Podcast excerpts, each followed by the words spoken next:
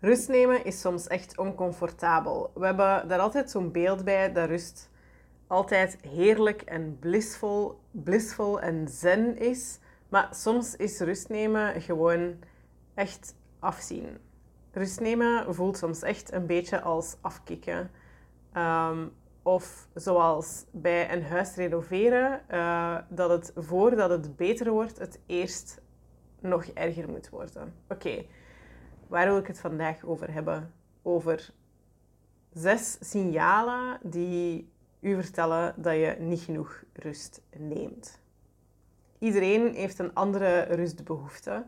En ik hoor, zeker bij de groep mensen die heel veel rust nodig hebben, hoe meer uur per dag dat ik niks, tussen aanhalingstekens niks doe, hoe beter ik mij voel. Ik heb echt veel slaap nodig, acht uur minimaal, maar beter een negen en soms zelfs meer. Plus, dikwijls doe ik ook overdag nog wel ergens een dutje. En dat is iets waar dat ik nog altijd mee oefen met mezelf. Zoveel mogelijk de toestemming te geven om gewoon dutjes te doen als ik daar behoefte aan heb. Ik werk graag horizontaal of in elk geval zittend in de zetel. Ehm, en uh, ik ga elke dag, bijna elke dag, wandelen om gewoon mijn hoofd even leeg te maken. Alles bij elkaar telt dat op tot redelijk wat uren rust, maar zelfs ik merk nog altijd dat, uh, dat ik eigenlijk nog altijd behoefte heb aan meer. Niemand kan u vertellen hoeveel rust dat je precies zou moeten nemen, want dat weet uiteindelijk alleen jij. We zijn de enigen die zelf kunnen voelen hoe het is om in ons lichaam te zijn en hoeveel behoefte aan rust ons lijf heeft. Het probleem is dat we een beetje afgeleerd zijn om de signalen te herkennen en dat we aangeleerd zijn om die signalen vooral gewoon te negeren en door te bikkelen tot we er min of meer letterlijk bij neervallen soms. Vandaag wil ik even snel, geen idee hoe lang de aflevering gaat duren, maar ik gok dat het een kort en krachtige aflevering wordt. De vijf, zes signalen die dat ik zelf heb opgemerkt um, in mijn leven uh, met jou delen. Um, en zelfs als er op dit moment maar eentje is dat opspeelt in jouw leven, dan is het waarschijnlijk hard nodig dat je extra rust neemt. Hoe klein of hoe kort die rustmomenten dan ook zijn. De eerste, je voelt je overwhelmed. Je hebt een ellenlange to-do-list. Je weet niet waar je daarmee moet beginnen. Alles lijkt even belangrijk en je hebt totaal niet de helderheid van geest om daarin prioriteit en orde aan te brengen. Je hebt vooral het gevoel dat je eerst al die dingen op die lijst moet doen voordat je ooit tijd gaat hebben voor rust en ehm, dat je echt moet in actie schieten en dat ooit, als je die dingen allemaal gedaan hebt, dan rust komt als soort van beloning. Maar you can't hustle your way to a restful life. Um, rust komt altijd eerst. Je moet eerst rusten voor die helderheid er kan komen om prioriteiten aan te brengen. Voor je kan beslissen wat belangrijk is. Voor je kan beslissen wat uitbesteed kan worden. Wat je eventueel kan schrappen van je lijst. Um, voor je de, de efficiëntie kan hebben ook om dingen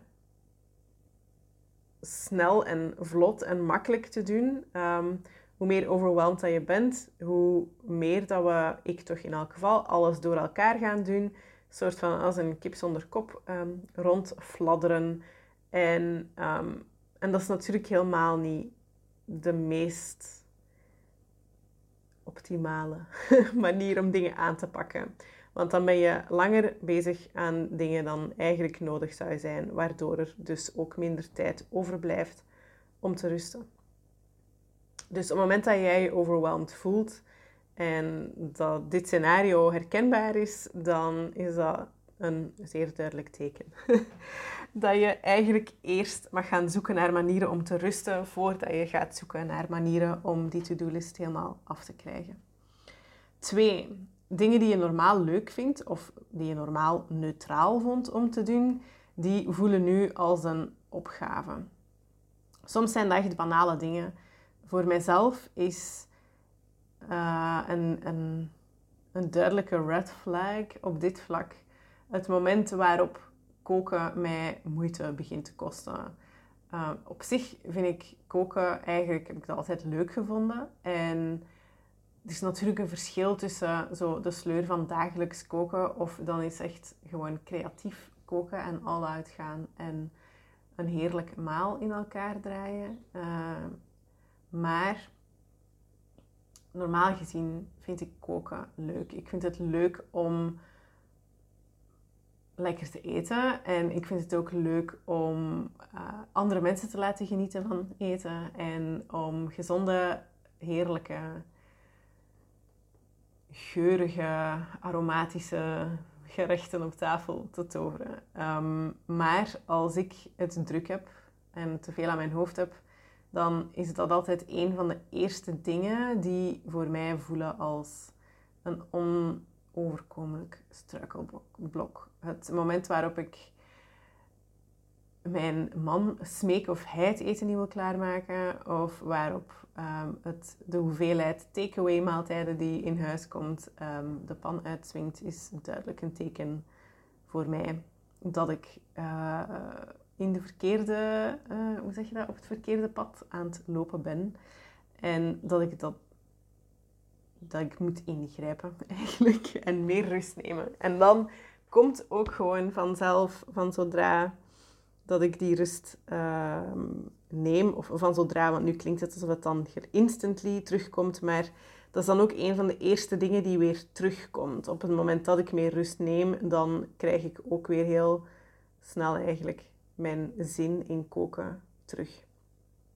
En het probleem of het, het ding is bij, bij nou, op het moment dat ik in mijn burn-out zat, en intussen vijftal jaar geleden, had ik echt zoiets van, ik, ik vind eigenlijk niks meer leuk. En omdat ik zo overwerkt was en dat alle dingen die ik ooit leuk vond dus ineens een opgave werden. Dus ik vind eigenlijk niks meer leuk. Dus ik kan ook niet ontspannen, want er is niks dat ik kan doen als ontspanning, want alles voelt als een opgave. Um, en dan wordt het zo'n beetje een vicieuze cirkel. Dit is echt zo'n ding um, wat heel snel een vicieuze cirkel wordt, die zichzelf gewoon in stand houdt. Want als je niks meer leuk vindt en dus niet meer kunt ontspannen, want je hebt niks leuks meer om dan te doen tijdens die rustmomenten, um, dan ga je dus ook niet rusten en dan blijf je gewoon doorwerken en daardoor wordt alles nog minder leuk, etc. You get my drift. Um, maar het ding is dat rust soms echt oncomfortabel voelt. We hebben daar zo'n beeld bij, dat rust altijd heerlijk en blissvol en zen moet zijn, maar soms is rust gewoon echt afzien. Ik hoorde onlangs iemand dit proces beschrijven als, als afkicken van een verslaving. We zijn zo verslaafd aan blijven doorgaan en aan productiviteit en aan uh, de dopamine-hits van dingen doen en dingen afstrepen van onze to-do-list en van de reacties van andere mensen op de dingen die we afwerken, et cetera, et cetera, et cetera. Dat dat dat eigenlijk onze standaardmodus is. Dat is waar, dat we, waar, dat we naar hunkeren. En rust voelt dan bizar anticlimactisch of zo. Hè? Rust is dan ineens maar saai of niet zo interessant. Ehm, en dat kan dan in het begin echt voelen als afkicken, als ja, dat, de, dat de uitdaging zit niet in het, dat denken we soms, dat de uitdaging zit in het doen maar eigenlijk zit de uitdaging in het zijn, in gewoon zijn. Dat is veel moeilijker dan doen, doen, doen. En dat klinkt misschien een beetje dramatisch, maar voor mij voelt dat wel effectief zo als, ehm, als een verslaving. Ik, voor de langste tijd ook heb ik gedacht dat ik, ja, maar ik, weet je, um, zo echt rust, rust, echt niks doen, dat doet eigenlijk niks voor mij. Ik word daar alleen maar mega uh, nerveus en uh, onrustig van. En um, dat past helemaal niet bij mij. Ik ben iemand, ik heb nood aan, ik heb nood aan actieve uh, rust, want dat werkt voor mij veel beter. en nu kom ik er zo stilaan achter dat dat eigenlijk ook gewoon een beetje mijn verslaving aan, um, mijn verslaving aan dingen doen is en aan actief zijn en aan productiviteit. En sinds ik mij daar bewust van ben, kan ik wel daar veel beter um, mezelf in opvangen. En, uh, en dan heb ik het gewoon door wanneer ik mezelf eigenlijk smoesjes zit te vertellen. En kan ik meer ruimte maken ook voor gewoon af en toe echt even niks doen. Gewoon zitten en kijken naar de vogeltjes of wat dan ook um, op dat moment mij, uh, mij rust geeft. Drie. Een klant die een afspraak moet verzetten voelt als een opluchting. En dat kan natuurlijk een klant zijn, maar dat kan ook um, een, een, familielid of een vriendin zijn of, uh, of wat dan ook, die om wat voor reden dan ook een afspraak die je hebt met die persoon moet verplaatsen. Um, en dat dat eigenlijk echt voelt als een opluchting. Uh, als, ach ja, jee, nu heb ik eindelijk ruimte misschien ruimte voor mezelf, maar heel vaak ook, nu heb ik eindelijk ruimte om die en die en die en die en die dingen die eigenlijk nog moesten, maar waar ik dan eigenlijk geen tijd meer voor had, om die dan te doen. Um, vier. Ziek worden geeft je eindelijk de ruimte om te rusten of niets te doen. Ik had het daar net al over die nuttige of actieve rust nemen. Dat dat meestal wel, in elk geval voor mij, maar ik gok ook voor de meeste van jullie, Um, dat dat meestal makkelijker gaat, omdat je dan toch ergens het gevoel hebt dat je iets goed aan het doen bent. Of dat dat nu is sporten of in de tuin werken of um, iets, uh, een verjaardagscadeau knutselen of I don't know. Um, uh, bellen naar je grootmoeder of zo, die dan, of op bezoek gaan naar een, een grootmoeder die dan uh, ook gelijk haar sociale contact weer heeft en zo. Als het in functie is van anderen of als het nuttige dingen zijn dan kunnen we meestal nog wel rust nemen. Maar als het echt gewoon erop aankomt van voor onszelf tijd te maken om niks te doen, zonder, en met niks doen bedoel ik niet per se dat je dan echt letterlijk niks aan het doen bent, maar om gewoon een moment vrij te houden en op dat moment, in het moment te kiezen van dit is waar ik nu zin of behoefte uh, in of aan heb. Um, en heel vaak doen we dat pas, die ruimte om niets te doen op het moment dat we ziek zijn of een been breken of zo. Dat zijn de momenten waarop we dan gewoon echt kunnen kijken van oké, eh, ik ga niks plannen, ik ga geen uh, to-do-list maken, want ik heb geen idee hoe dat ik mij morgen of vandaag of vanmiddag voel. Ik ga wel gewoon kijken uh, hoe het gaat en als ik ergens zin in heb, dan mag ik het doen. En als ik geen zin heb, dan mag ik ook gewoon Netflixen of mijn boek lezen of in bad gaan of wat dan ook. En dat doen we eigenlijk buiten die context van ziek zijn nauwelijks. Terwijl dat dat juist de rust is die vaak het soort van rust is die we nodig hebben om, en dan komen we bij nummer 5, onze inspiratie terug te laten stromen. Uh, want 5 is je hebt geen inspiratie.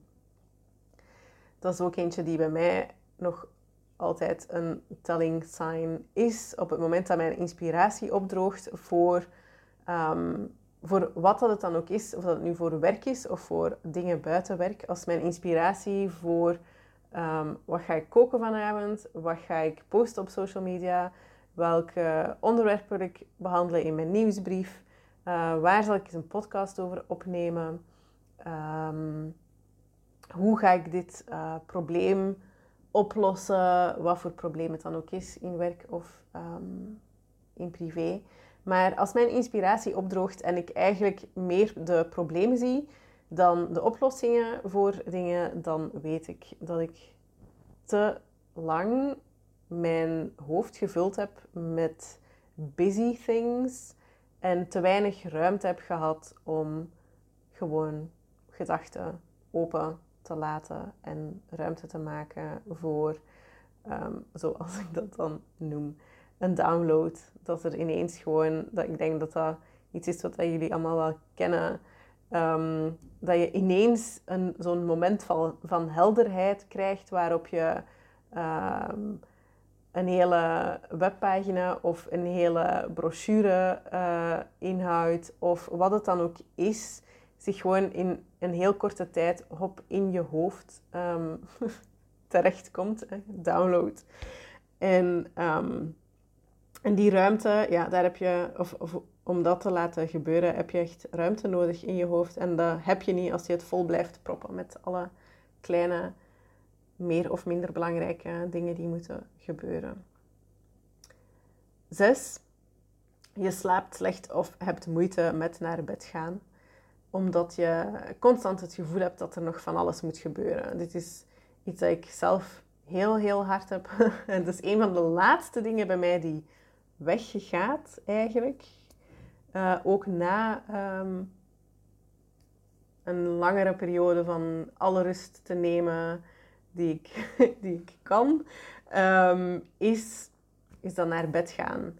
Ik heb heel vaak het gevoel alsof er nog ergens zo een motor aan te draaien is in mij met uh, zo de druk van er moet nog zoveel gebeuren. Er is nog zoveel dat niet gedaan is. Er is nog zoveel dat, uh, dat, dat zou, moeten of dat ik beter nu zou doen um, voordat ik echt rust kan nemen en gaan slapen. En um, heel vaak weet ik dan zelfs niet zo goed wat dat dan al die dingen zijn. Als ik dan even mezelf coach en zeg van ja oké, maar wat zijn dan al die dingen die nog moeten gebeuren? Dan um, zijn dat heel vaak, kan ik dan maar meestal wel een aantal opnoemen. Maar dan is het, valt het eigenlijk vaak ook nog wel mee. Het is meer een gevoel van, van onrust, zoals... Um, nou ja, ik heb even geen metafoor, maar het, is meer een gevoel van onrust dan dat het echt een reële um, onrust is. Het is eigenlijk een soort van, ik denk, geïnternaliseerd internaliseerde toxische productiviteit. Dat je gewoon ergens het gevoel hebt van ja, ik zou moeten doen, doen, doen, doen, doen. En dat het heel raar voelt om daaruit te stappen en gewoon te zijn en te gaan slapen. Hoe implementeer ik dat nu in mijn leven? Ik, had ehm, een variant al van deze podcastaflevering een tijdje geleden op mijn stories gedeeld op Instagram. En ik kreeg dan ook deze vraag van... Ah, super confronterend en mega goede tips eigenlijk, maar hoe implementeer ik die in mijn leven? En ehm, er zijn een paar dingen die ik daarover wil zeggen. En het eerste is, geef jezelf de ruimte om het imperfect te doen. Dit zijn zes signalen en er zijn er waarschijnlijk meer. En misschien zien die er voor jou allemaal net iets anders uit dan die van mij. Um, maar geef jezelf gewoon de ruimte om het imperfect te doen. Om te beginnen met je eigen signalen te leren herkennen. Ehm, en om daar altijd maar beter in te worden. En om soms ze snel genoeg te onderscheppen om dan ook te zien van oké, dit is wat er gebeurt en ik heb meer rust nodig. En om daar ook vrede mee te hebben dat dat soms niet lukt. En om daar vooral jezelf geen schuldgevoelens over aan te praten. Want, en dat is denk ik nog wel eens een podcastaflevering op zichzelf, schuldgevoelens vreten heel veel onnodige energie en dat willen we niet hebben. Dus één, doe het imperfect. Twee, leer je signalen herkennen.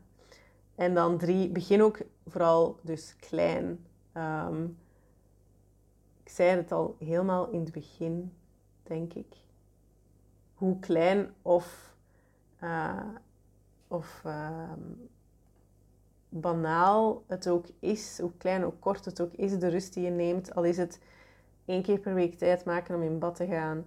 Al is het elke ochtend vijf minuten om gewoon even te gaan zitten op een rustig plekje in huis. Um, al is het maar elke avond tien minuten eh, met een journal gaan zitten om op te schrijven hoe je je op dat moment voelt en wat voor gedachten er allemaal in je hoofd zitten. Ehm, al die kleine dingen die helpen en die stapelen zich op de duur op en dat, dat geeft uiteindelijk resultaat.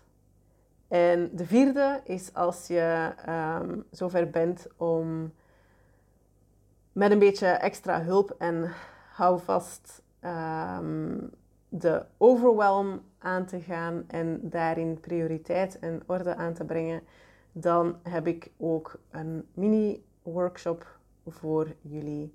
Clarity and Calm, die kan je elk moment uh, kopen en volgen in je eigen tijd.